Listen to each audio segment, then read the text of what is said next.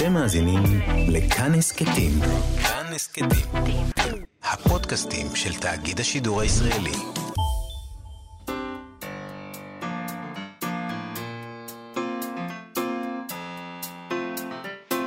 מה שכרוך עם יובל אביבי ומה יעשה לה.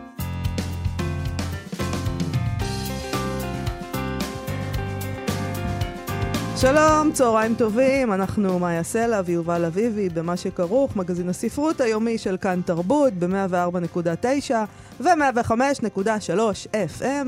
איתנו באולפן היום עירה וקסלר וגיא פלוויאן שעושים איתנו את התוכנית. שלום לכם ושלום לך יובל אביבי. שלום לך מאיה סלע, אנחנו נדבר היום עם אמיר uh, זיו, שספרו השני חמצן ראה אור לאחרונה בהוצאת uh, עם עובד, ספר הביקורים שלו, ארבעה אבות, ראה אור בשנת 2017 וזכה להצלחה גדולה, כולל מועמדות לפרס ספיר. Uh, כעת חמצן, uh, בו הוא מספר את uh, סיפורה של משפחה אחת עשירה על כל חולייה. יש פה בספר טריק שהוא עושה, הוא הולך מהסוף להתחלה. הספר מתחיל בפרק 10 ובפרק העשירי והולך אחורה במקום קדימה, ועוד מעט נדבר איתו אה, על הדברים האלה. נכון. אה, אנחנו גם החלטנו כן. לשאול היום כמה אנשי תרבות, רוח וחברה על ההמלצות שלהם לקריאה ביום כיפור, יובל. אה, אז אנחנו כבר ניגש להמלצה הראשונה. אה, ביקשנו אה, המלצה מהמוזיקאי קובי אפללו. שלום קובי אפללו. שלום, מה שלומכם? אהלן, שנה טובה, חתימה טובה. על איזה ספר... אמן.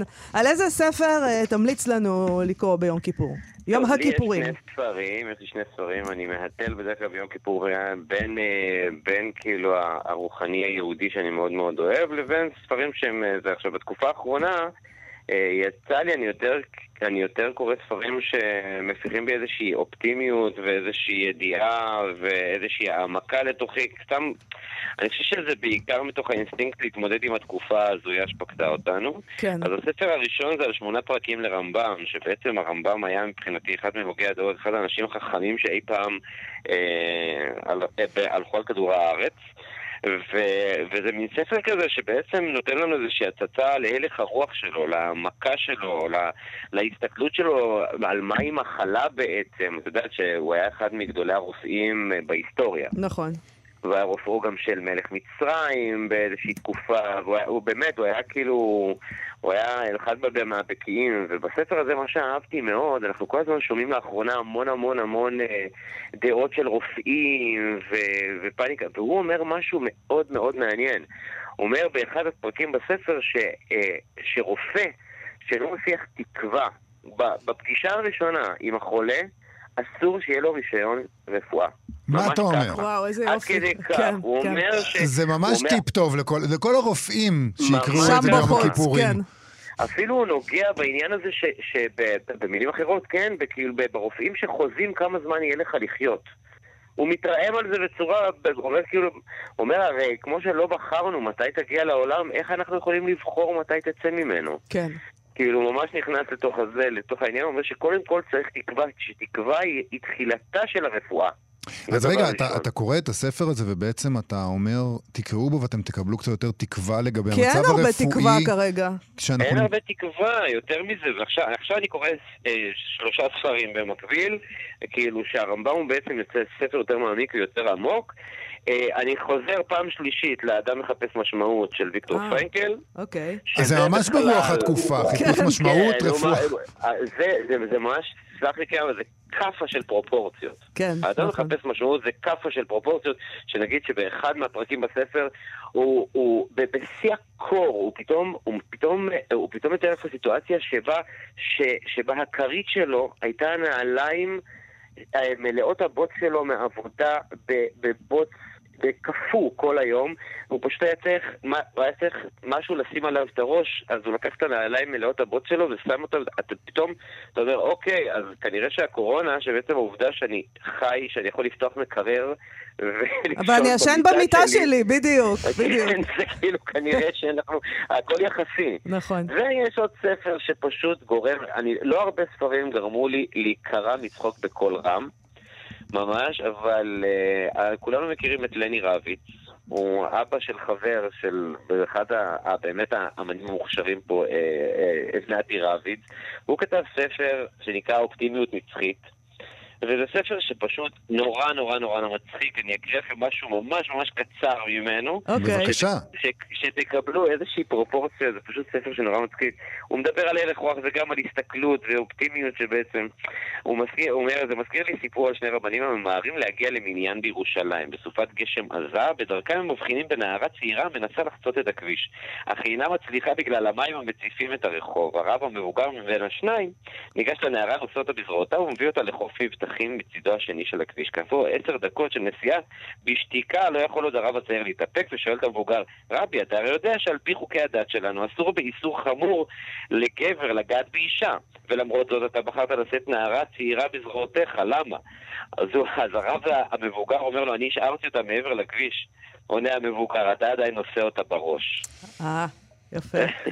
זה ספר מקסים, זה ספר מקסים. זה ספר גם, אני זוכר את הספר הזה, ספר שמדבר בזכות הצחוק ובחשיבות הצחוק, וזה גם משהו שמתאים מאוד. לא, הוא גם לוקח איזשהו יחס כזה, למשל הוא אומר שהם עלו מארצות הברית, הוא הרי, יש, אתה יודע, יש את הפרברים בארצות הברית, יש את העיר הגדולה, יש את הכרך הגדול ויש את הפרברים מסביב. אז הוא מצא את הפרבר שנראה לו קסום ביחס לתל אביב, שזה היה נצרת עילית. אז אנחנו בעניין של פרופורציות. בואו נזכיר, את, אה, נזכיר את שלושת הספרים שהזכרת לנו אה, עבור המאזינים שאולי רוצים אה, ללכת בדרך שלך. דיברנו על שמונה פרקים לרמב"ם. לרמב"ם, האדם מחפש משמעות של ויקטור פרנקל, שזה באמת masterpiece לכל החיים, ואופטימיות נצחית של לני רביץ. ההמלצות נפלאות ליום הכיפורים ולסגר גם. קובי אפללו, תודה רבה. אנחנו גם נשמע עכשיו שיר די אופטימי, בסוף הדרך עוד תהיה מאושר, של קובי אפללו. אז אה, בוא נתעודד. תודה רבה לך, שנה טובה, גמר חתימה טובה.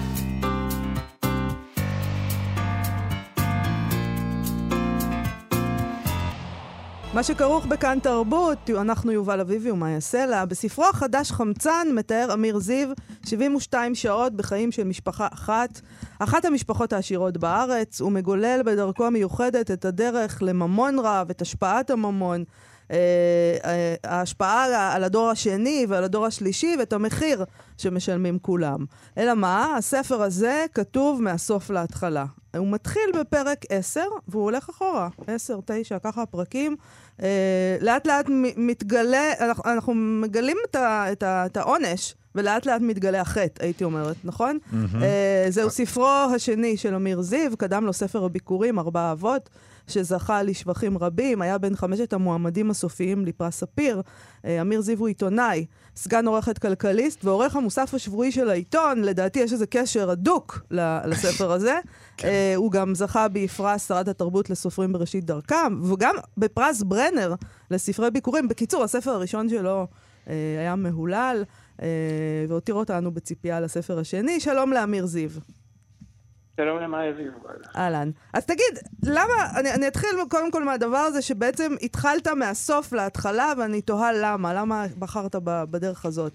למה זה מתחיל בפרק 10? זה מתחיל בפרק 10 והולך אחורה, אה, בעיקר מכיוון שזה היה לי יותר מעניין לכתוב את זה. יש משהו בכתיבה הליניארית שלפעמים הוא משעמם, ולפעמים אני מוצא את עצמי חסר סבלנות ל... להתגלגל הלאה עוד שלב ועוד שלב, ומשהו בכתיבה ההפוכה יצר אתגר אחר לגמרי, של כתיבה שאתה באמת כבר יודע את הסוף, ופה במקרה הזה ידעתי את הסוף שאני רוצה לכתוב אותו כבר מההתחלה, ואז ללכת ולחשוף לעצמי ולקוראים את ה... איך הגענו לסוף הזה, את האבני דרך שהובילו אליו, וזה פשוט היה מבחינתי הרבה יותר מעניין ומאתגר בהמשך ליצור איזשהו פאזל שלמרות שהסוף כבר ידוע, אתה מצליח לבנות מתח ש... שמחזיק את הקורא אה, להמשיך ולקרוא כדי להבין איך הגענו לסוף שהוא... המתח הוא בעצם, הוא, הוא, הוא על זה שאתה תוהה למה, למה הענשת את, את הדמויות שלך בצורה כזאת, שזה יפה, כאילו, אנחנו שואלים את עצמנו, למה קרה להם מה שקרה להם עכשיו? מה קרה כאן? אה, ואני, אה, בניגוד לבדרך כלל, אמרתי מעט מאוד פרטים על הספר, כי דווקא בגלל הטכניקה שבה הוא כתוב, אני מפחדת אה, איכשהו להרוס, אז אולי אתה תספר לא, את אבל... מה שמותר, לס... מה שאתה רוצה לס... אבל כבר בעמוד הראשון אנחנו יודעים שזה לא יהיה ספוילר, כי זה העמוד הראשון של הספר, אנחנו יודעים שאנחנו נמצאים אה, בבית חולים, ו... אנחנו נמצאים באמבולנס. ב... אה, נכון, בבית חולים. זה מתחיל בבית חולים, מתחיל נכון. בבית חולים. אנחנו לא יודעים מי נמצא שם בחדר. לא יודעים מי נמצא שם, אבל הרופא אומר, אני מאמין שהוא אגב... יצא מזה, כן. הוא חזק. נכון. ואנחנו לא יודעים מי יצא ממה, אנחנו רק יודעים שמישהו שוכב שם וצריך, וזקוק להצלת הרופאים. מהר מאוד אנחנו לומדים שהספר הזה עוסק בעצם באחד האנשים החזקים במשק הישראלי, ואפילו יותר מזה, תעשיין, אני כבר עולים לי בראש כמה אה, שמות שאולי היו יכולים. לשמש כהשראה. אה, לדמות הזאת, ובעצם כל ה- ה- ה- הבת שלו והנכדים שלו וכולי, כל המשפחה הזאת. אני אגיד לך משהו שאני חשבתי עליו. Okay. אוקיי. אמ, אני חשבתי שכתבת את זה אה, הפוך, כלומר מהסוף להתחלה, כי בעצם יש פה, בעצם יש פה איזו אמירה עלינו.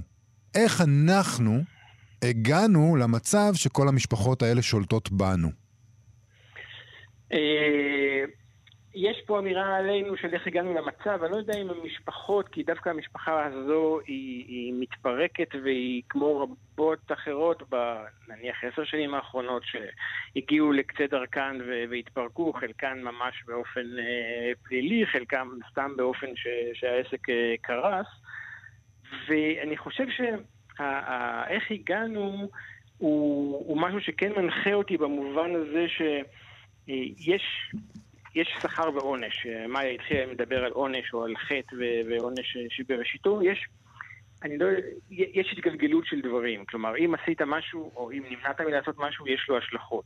אה, יש לדבר הזה השלכות, וזה משפיע על עצמך ועל סובבים אותך. חלקם משפחה, חלקם חברים, חלקם שותפים עסקיים וכולי, כל התנועות שמופיעות בספר.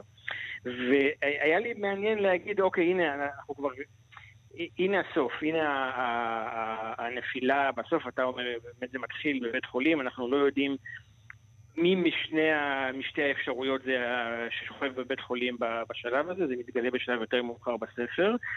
ו, ומאוד עניין אותי ללכת ולהגיד, תראו, זה, זה כמעט בלתי נמנע, או זה כמעט יד, סוף ידוע מראש, למרות שהוא סוף טרגי ודרמטי ו...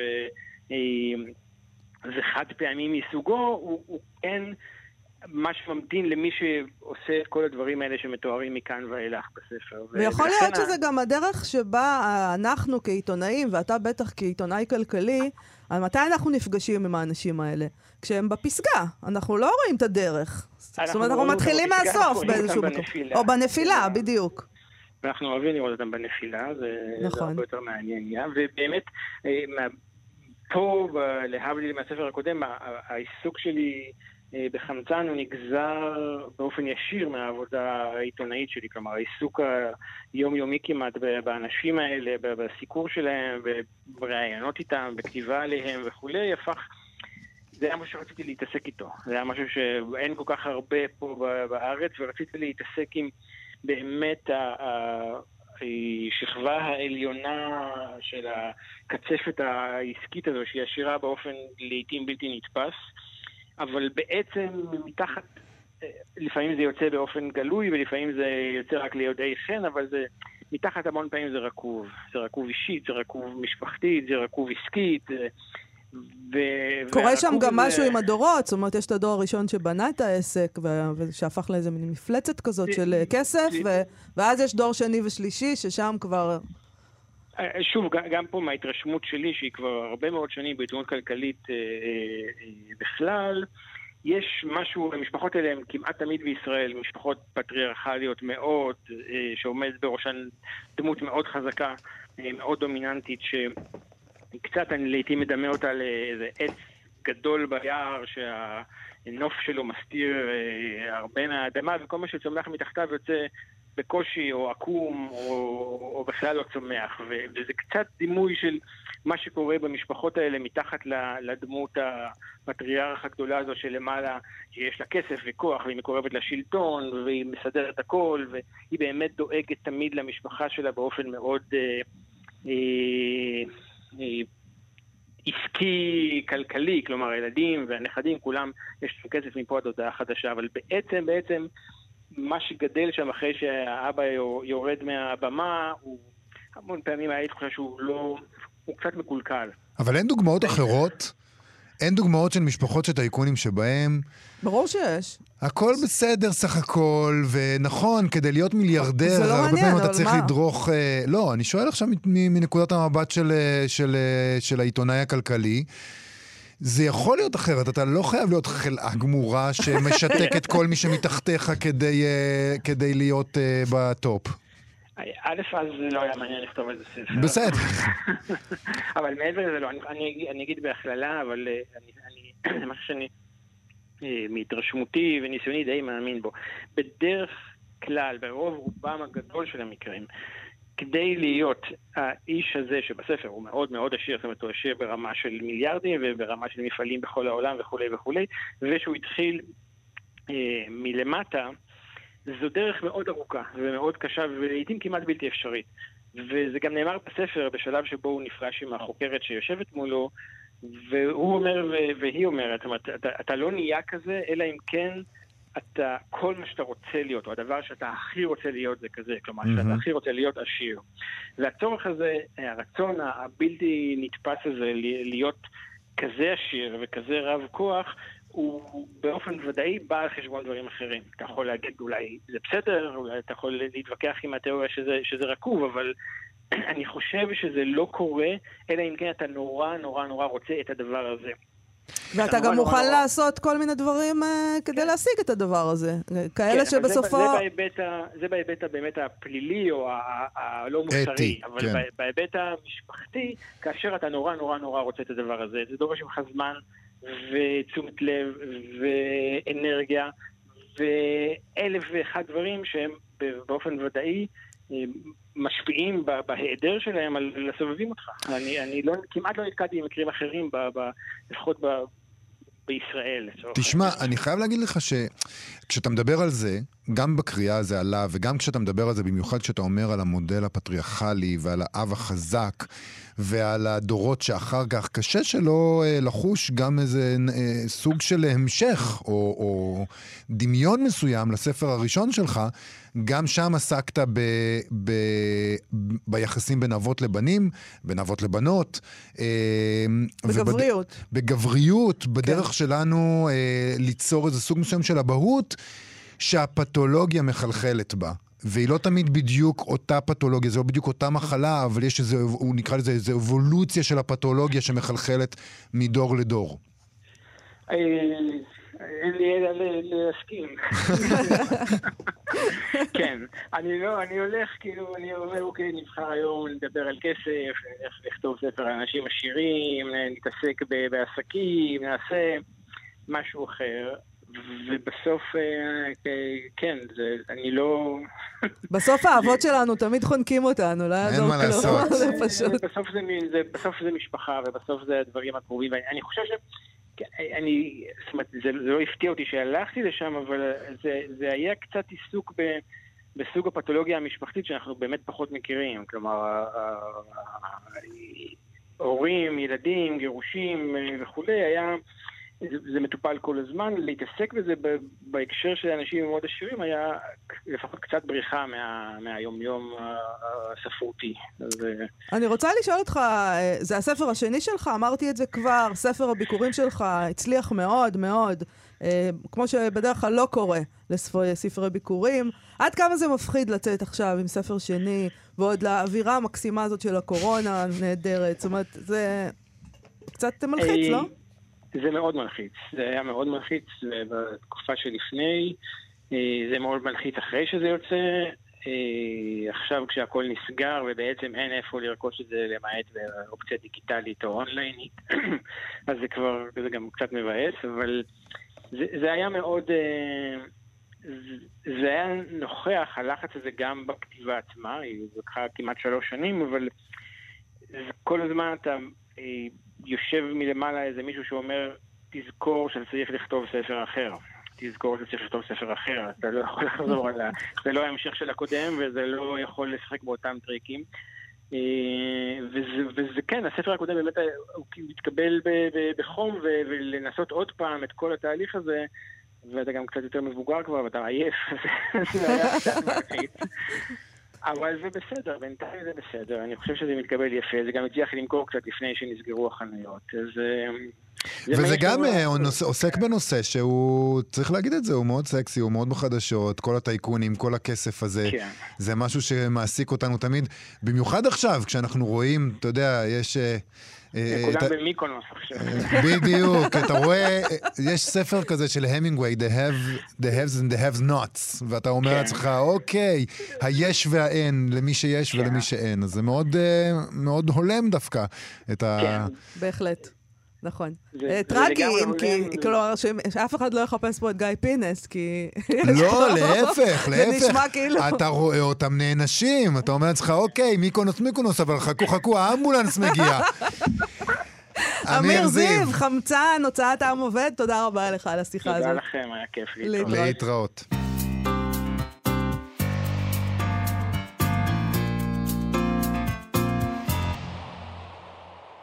חזרנו, אנחנו מה שכרוך, מגזין הספרות היומי של כאן תרבות, אנחנו יובל אביב ומאי סלע, ולקראת uh, יום הכיפורים ביקשנו מכמה אנשי תרבות, רוח, חברה וש, ושאר תחומים uh, להמליץ לנו על ספרים ליום הכיפורים, מה הם עומדים לקרוא אולי, מה הם ממליצים לנו לקרוא, ואיתנו הפעיל החברתי עורך הדין ברק כהן. שנה טובה. שנה, שנה טובה. טובה. שלום לך. על איזה ספר תמליץ לנו לכבוד יום הכיפורים? אני ממליץ על הספר הזה לא רק ליום הכיפורים, אלא באופן כללי. הוא ספר יסודי בעיניי בפילוסופיה של התרבות המערבית. אוקיי. אה, כה אמר זרטוסטרה של ניטשה. כן. פרידריך ניטשה. ספר. מעניין שאתה בוחר דווקא בניטשה. למה? למה זה מעניין? מעניין, לא יודעת, לא הייתי מצפה שאתה תבחר דווקא בניטשה. כלומר, זה, אתה, אתה בוחר בלעומתיות בניטשה, או מה, מה אתה לומד, מה למדת מניטשה בעצם? האמת שזה דווקא טבעי, טבעי בשבילי. נאמר, העמדה שלי כלפי המדינה. כן. היא, היא די, די נגזרת של ההבנה המוקדמת שלי מ, מ, מהכתבים שלו מזרטוסטרה על מה שהוא כינה האליל החדש. כשאני הייתי בן 17 וחצי, וחייתי בחברה ולא בדיוק תפסתי למה יש קונפליקט ביני לבין חלקים מסוימים בחברה, וכשהייתי צעיר יותר, אמרתי, זה, המזרחים, האשכנזים, אני כאילו שמתי את זה באיזה מין מחסנית עדתית. ואז קראתי את, ה, את הספר, והתפיסה שקלטתי, שלמעשה לא מדובר פה בעניין אשכנזי-מזרחי, אלא כל המשטר, כל השלטון המדיני המערבי יונק מאותם, מאותה מחלה, mm-hmm. ש, ש, שבעצם נחשפתי אליה ממנו, וגם תופעות של איך ההמון מתנהג, למדתי ממנו, תופעות של איך, איך האדם אה, בטבע האנושי שלו נוהג. זאת אומרת, אתה, אתה קורא אותו קצת כדי להבין מה לא, אתה אומר. מה כדאי, להתר... מה כדאי להתרחק? מה כדאי להבין על נפש האדם שצריך להיזהר ממנה? נאמר, אני קורא אותו כמנתח של המציאות האנושית. Mm.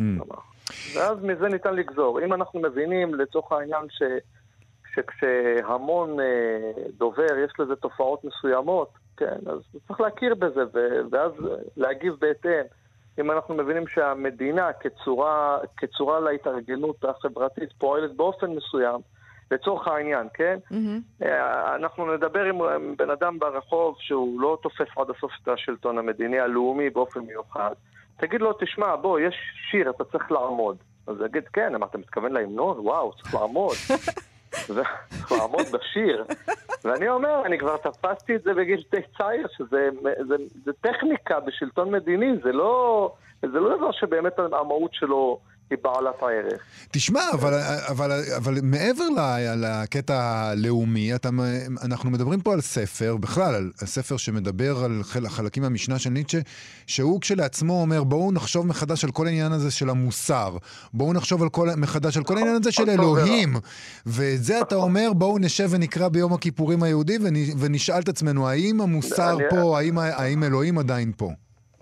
בוא נאמר שאני בתור שומר תורה ומצוות, ושהריבון שלי הוא לא מדינת ישראל, אלא השם יתברך, אה, אני ממליץ לכל שומר תורה ומצוות דווקא לקרוא בניטשה, מכיוון שעשויים לבר, לברר ולהגיע עם עצמם למסקנה שלא עבודת השם הם עושים, אלא, אלא עבודת השלטון ועבודת קרקע ורצפה ועבודה של כל מיני ערכים אחרים ולא עבודה רוחנית. אז, אז דווקא כן אה, עולה בקנה אחד. זה נכון, מה ש... העיסוק באלוהים אצל אה, ניטשה, יותר מאשר הוא העיסוק ב... ב נאמר, בהכחשה או מריבה עם אלוהים, אלא, אלא באופן שבו האדם מתנהג בחלק הזה המופשט הרוחני שלו. כי למעשה, גם, אם, גם הטקסט שלו, נאמר, על המדינה, הוא מכנה אותה האליל החדש, כי למעשה, במאה ה-18, מתי שהוא פעל, אז התחולל מעבר היסטורי במעבר בין צורת שלטון שכונתה שלטון בחסד האל, mm-hmm. שהראשיה היו הכנסייה והמלך, ולמעשה התיאור שלו הוא יותר איך, איך עושים שימוש ב... ברטוריקה הדתית כדי לשלוט באדם. זה יותר מדויק, זה קיים, זה קיים אגב גם היום. זה אין בין, בין זה לבין לעשות רצון השם, לא, לא קיים כל כך קשר. אז uh, כה אמר זרטוסטרה, פרידריך ניטשה, זאת ההמלצה uh, שלך, עורך הדין והפעיל החברתי ברק כהן. תודה רבה לך תודה על השיחה הזאת ועל ההמלצה הזאת. שנה טובה. גמר חתימה טובה. שנה טובה מבורכת, חתימה טובה. להתראות. ביי.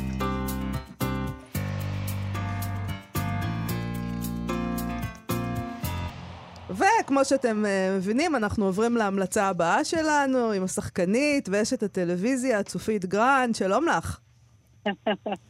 וואי, מה זה יש לי בלבולים בראש? אני לא יודעת על מה להמליץ לכם באמת. בוא נתחיל אה, בספר אחד, נעבור לשני, ונראה איך בוא מתקדמים. בוא נתחיל בהומור ונלך, ו... ונלך ונתקדם. ונתבאס, לאט לאט. נתחיל בהומור לא, ונלך לטרגדיה. בדיוק, לא, לא לטרגדיה, לאיזה מין מקום כזה שאני יותר פעילה בו. בבקשה. נתחיל בהומור באמת, מזמן, מזמן לא צחקתי, כמו בספר החדש של חנוך דאום. אה, אוקיי. ספרי מה יש שם. מה מצחיק שם? ברכות, ברכות, ברכות. פשוט ברמה, ברמה, תקשיבו, תקשיבו, זאת נהייתה סאגה חברתית.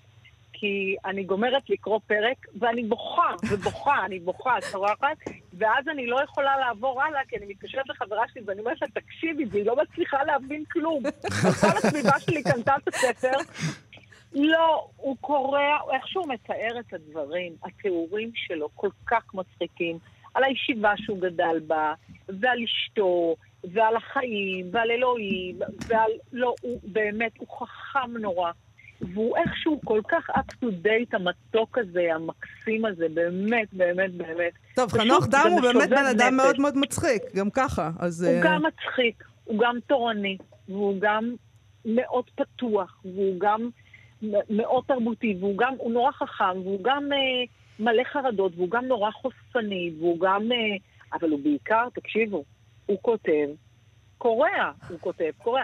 עכשיו, אם הייתי היחידה, יש איזה פרסומת אחר כך, ראיתי איזה מישהי בפייסבוק, לא יודעת מה הם עשו עם זה, סתם השמיעו לי את זה, שרואים מישהי קוראת את הספר שלו ופשוט נקרעת מצחוק.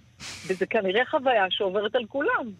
אז זה ספר שאני אומרת, יואו, תסתערו. אז זה החיים, החיים הם תקופה קשה, זה הספר של חנוך כן. דאום. יאללה, הספר הבא. כן. פחות מצחיק הספר הבא? הספר הבא, אה, אה, טוב, אני אגיד לכם שני ספרים. אחד, לא ניכנס לעומק שלו, כי, אה, כי לא צריך, כי צריך אה, להיכנס לזה... זה פשוט מטורף, זה כוכבים טועים של שלום הלחם. Oh. אומרים, וואי, מה את חוזרת כל כך אחורה? אבל לחזור חזרה על הכתבים של שלום, אני הלכתי לחנות ספרים, אה, אה, ספרי יד שנייה כאלה, פשוט קניתי את כל הסדרות, כל מה שיש על שלום הלחם, וצללתי לתוך העולם של שלום הלחם, ולקרוא את היהדות הזאת של שלום הלחם, זה, זה, זה לבכות, וזה לצחוק, וזה לראות, וזה להיכנס לסיטואציות ברזולוציות שהאיש הגאון הזה ידע להוריד למטה ממש ממש כמו, כמו, יש רגעים שאתה קורא אותו ואתה מרגיש את השכינה שורה בתוך, בתוך החדר. אלכוהול, ואתה גם מרגיש את היהדות מהצד הכי גלותי שלה, הכי שואתי שלה, הכי אתה... פתאום אתה לומד משהו על האנשים, על העולם הזה. הוא מדהים, הוא פשוט מדהים, שלום עליכם. המלצה מעולה ליום כיפור. כן, כן, זה גם, זה באמת, זה גם, זה כמו לקרוא, זה גם באיזשהו שלב, כשנכנסים לשפה ומבינים אותה, את כאילו יושבת בתיאטרון. כן. כאילו יושבת בתיאטרון, באמת באמת מצליחה לראות את זה. וכוכבים טועים זה סיפור אהבה ואכזבה ו- ו- ומשהו שנמשך כזה על שנים, ו- ויש שם יש שם בקחנים, ויש שם תיאטרון נודד, ויש שם אינטריגות ופוליטיקה, זה מאוד מאוד מאוד מעניין. והספר השלישי, שזה סתם ספר שלפי דעתי פשוט כדאי שיהיה בכל בית, כי אתה לא יודע מאיפה זה בא, ואנחנו נמצאים בעידן קורונה, ואני מאוד אקטיביסטית, ואני מתעסקת הרבה ב... בצער גדול שנופל בתוך משפחות. כן. אז הספר נקרא בן זוג טורף, וזה של אישה בשם סופי כהן, שהיא עורכת דין לענייני משפחה. עכשיו, למה אני אומרת שכל כך חשוב לקרוא ספר כזה? Mm. כי אנחנו לא יודעים מאיפה זה בא לנו. כן. אני מתעסקת המון בניכור הורי, בהסתות ילדים, במלחמות של גירושים נוראיים, נוראיים, נוראיים של אנשים שפשוט נופלים למלכודות בתוך גירושים ולוקחים להם את הילדים והם מאבדים את המקום שלהם והם הופכים להיות אנשים שקופים. והמון בתים נמצאים בתוך הכאוס הזה והם לא יודעים, אין להם מי שידריך אותם, אין להם מי שיגיד להם למה הבת שלי כל כך לא מאושרת עם הבן זוג הזה? מה לא בסדר? למה לא כדאי לה להתחתן איתו? למה לא כדאי לבן שלי להתחתן עם הבחורה הזאת? מה לא בסדר שם? והספר הזה מלמד אתכם לראות דפוסי התנהגות.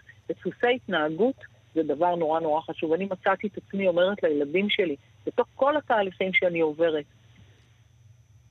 תדעו לזהות, כן, תדעו לנטרל כל צורה של ביקורת שהיא לא רלוונטית. כל צורה של אלימות שמופנית כלפיכם, כל צורה של שליטה בתוך החיים שלכם. תדעו לשמור על הדיגניטי שלכם. תזהו כאן את המקומות שלכם שבהם אתם פתאום מפתחים שליטה על מישהו. אין מקום לזה בעולם הזה. אין לנו זכויות מעניין שאת אומרת, גם, את אומרת להם גם את הדבר ההפוך. כי אני תמיד מפחדת, תמיד אומרת לעצמי, על הבת שלי, מה, איך אני אמנע ממנה? אני, אני נתתי לה עצות אולי קצת שטניות, אבל אמרתי לה, תמיד תהיי רק עם גברים שאפשר לעזוב. זה כאילו, שאפשר לעזוב אותם. שזה אפשרי בלי שהם ירצחו. קודם כל, זה לא, זה לא העניין. אני לא אומרת רק עם דברים שאפשר לעזוב. אני תמיד אומרת לבת שלי, כשמישהו מקנא לך, תעלימי את זה מיד, תגידי לו, אצלי בבית זה לא עובד. אני לא מתעסקת בקינה, אני גם לא מקנאה לך, אני סומכת עליך. וכשמישהו בחוסר סובלנות עלייך, או מתנהג עלייך באדנות כזאת ובשליטה, תנטרלי אותו, תגידי לו, נשמה, לא שולטים בי. זה מאוד לא חשוב לימים האלה, אנחנו שומעים, מאוד חשוב לימים האלה, כי אנחנו שומעים על כל מה שקורה בבתים הסגורים שמובילים, אה, מהווים זרז. ממש, ואנשים מדברים אחד לשני בצורה בוטה, ושולטים, ונוקמים, ומסרסים. לא, לא, לא, חבר'ה, תרגיעו, לאף אחד אין פה זכות להיות בשליטה על אף אחד אחר, בשום צורה. גם, גם לילדים שלי אני תמיד אומרת, אה, שלא ישלטו ושלא תשלטו באחרים ושלא ישלטו בכם. בדיוק. אז זה בן זוג טורף. של סופי כהן, ומקודם אנחנו דיברנו על כוכבים טועים של שלום הלחם, נכון? וחנוך דאום, כן. החיים הם תקופה קשה. צופית גרנט. תודה רבה לך, תודה רבה. יש פה הכל, צחוק ודמע ועזרה, הכל שם. תודה רבה לכם. שנה טובה. ביי.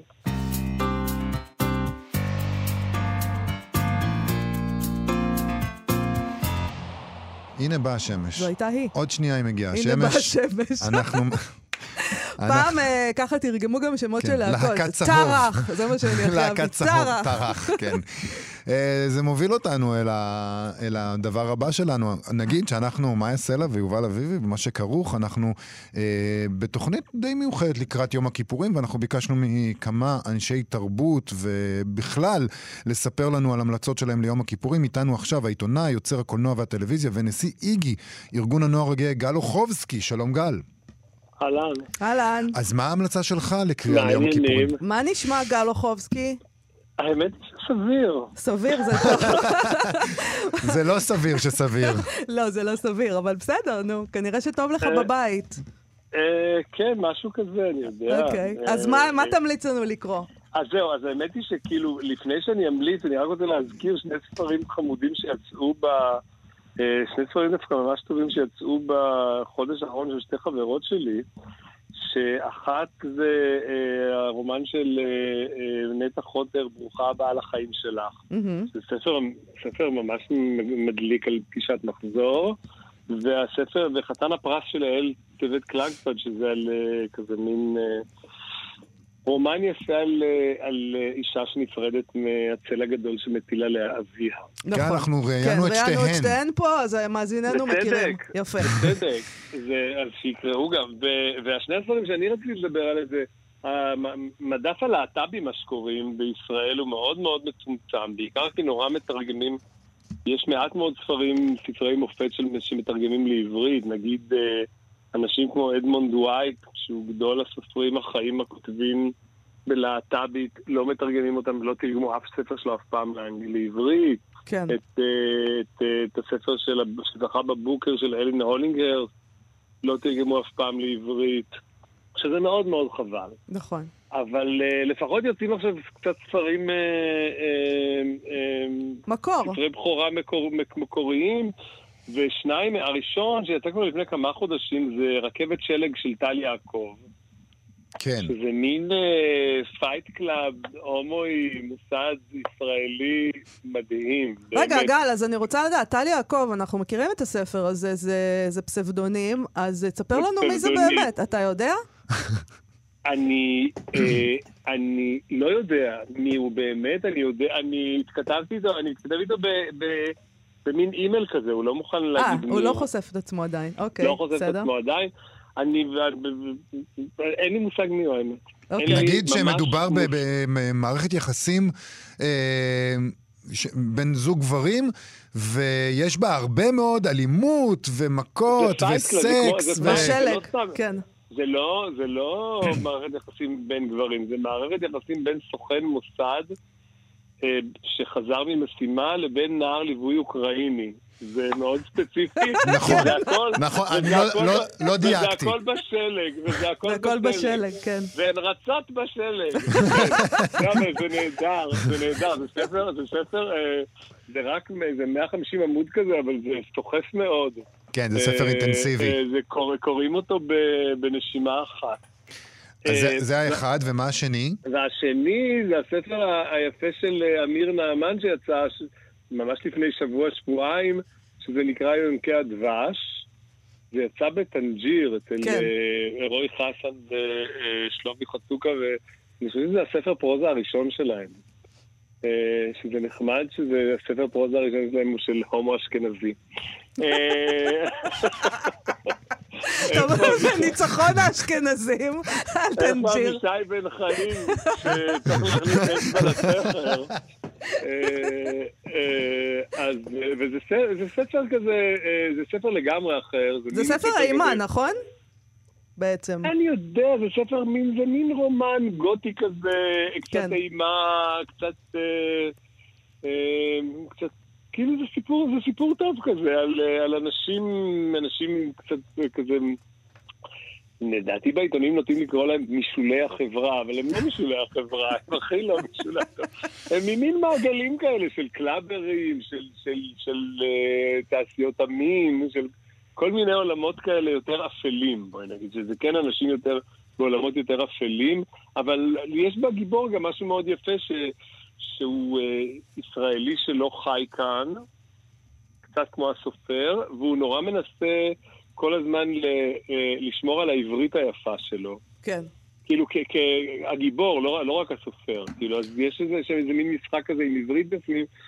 Uh, גם ספר uh, לא ארוך ומאוד מאוד קריא וכיפי, uh, אם אתה נכנס לזה, זה תענוג. אז uh, ספרות להט"בית מקורית uh, ליום הכיפורים, זה, אני חושב שזה נהדר. נכון. נזכיר... זה נהדר, במיוחד שאלוהים כל כך אוהב אותנו, אז כאילו, אז... אה, אלוהים, אלוהים אוהב את כולם. אלוהים אוהב את כולם. Uh, רק נגיד, יונקי הדבש של אמיר נעמן, רכבת שלג uh, של טל יעקב, והזכרת גם, צריך להגיד, את נטע חוטר עם ברוכה הבאה לחיים שלך, ומה uh, היה האחרון? יעל טבת נכון. קלצבלד, חתן הפרס. אחלה כן. המלצות. אה, גל אוחובסקי, תודה רבה לך. מי שיצליח לקרוא ארבעה ספרים ביום כיפור יקבל מאלוהים עוד סיבוב. עוד ספר. תודה רבה, גל אוחובסקי. תודה רבה. שנה טובה, להתראות. אה, יש איזה משהו קטן לסיום, כן. אה, יובל? פשוט היה בידיעות אחרונות, בסוף השבוע שעבר בעצם, הקדישו את מדור הספרות שלהם לפרויקט ספרותי. כמו שעושים בדרך כלל בחגים, ביקשו מעשרה כותבים אה, וכותבות לבחור אה, רגע אחד שיישאר איתם מהשנה החולפת. הרוב המכריע של הכותבים כמובן התייחסו לקורונה ולמגפה. אה, אה, אה, זה היה אמור להיות, ה... אבל הם עשו את זה מכל מיני כיוונים. אנחנו, אין לנו הרבה זמן, אנחנו רוצים להתייחס, ל... אה, לקרוא את השיר של אהרון שבתאי. אה, שהתייחס למגיפה באופן ישיר, לבידוד שנכפה עליו, אה, אה, והוא כתב על זה ארבעה שירים, הנה אחד מהם. אה, קוראים לו בידוד.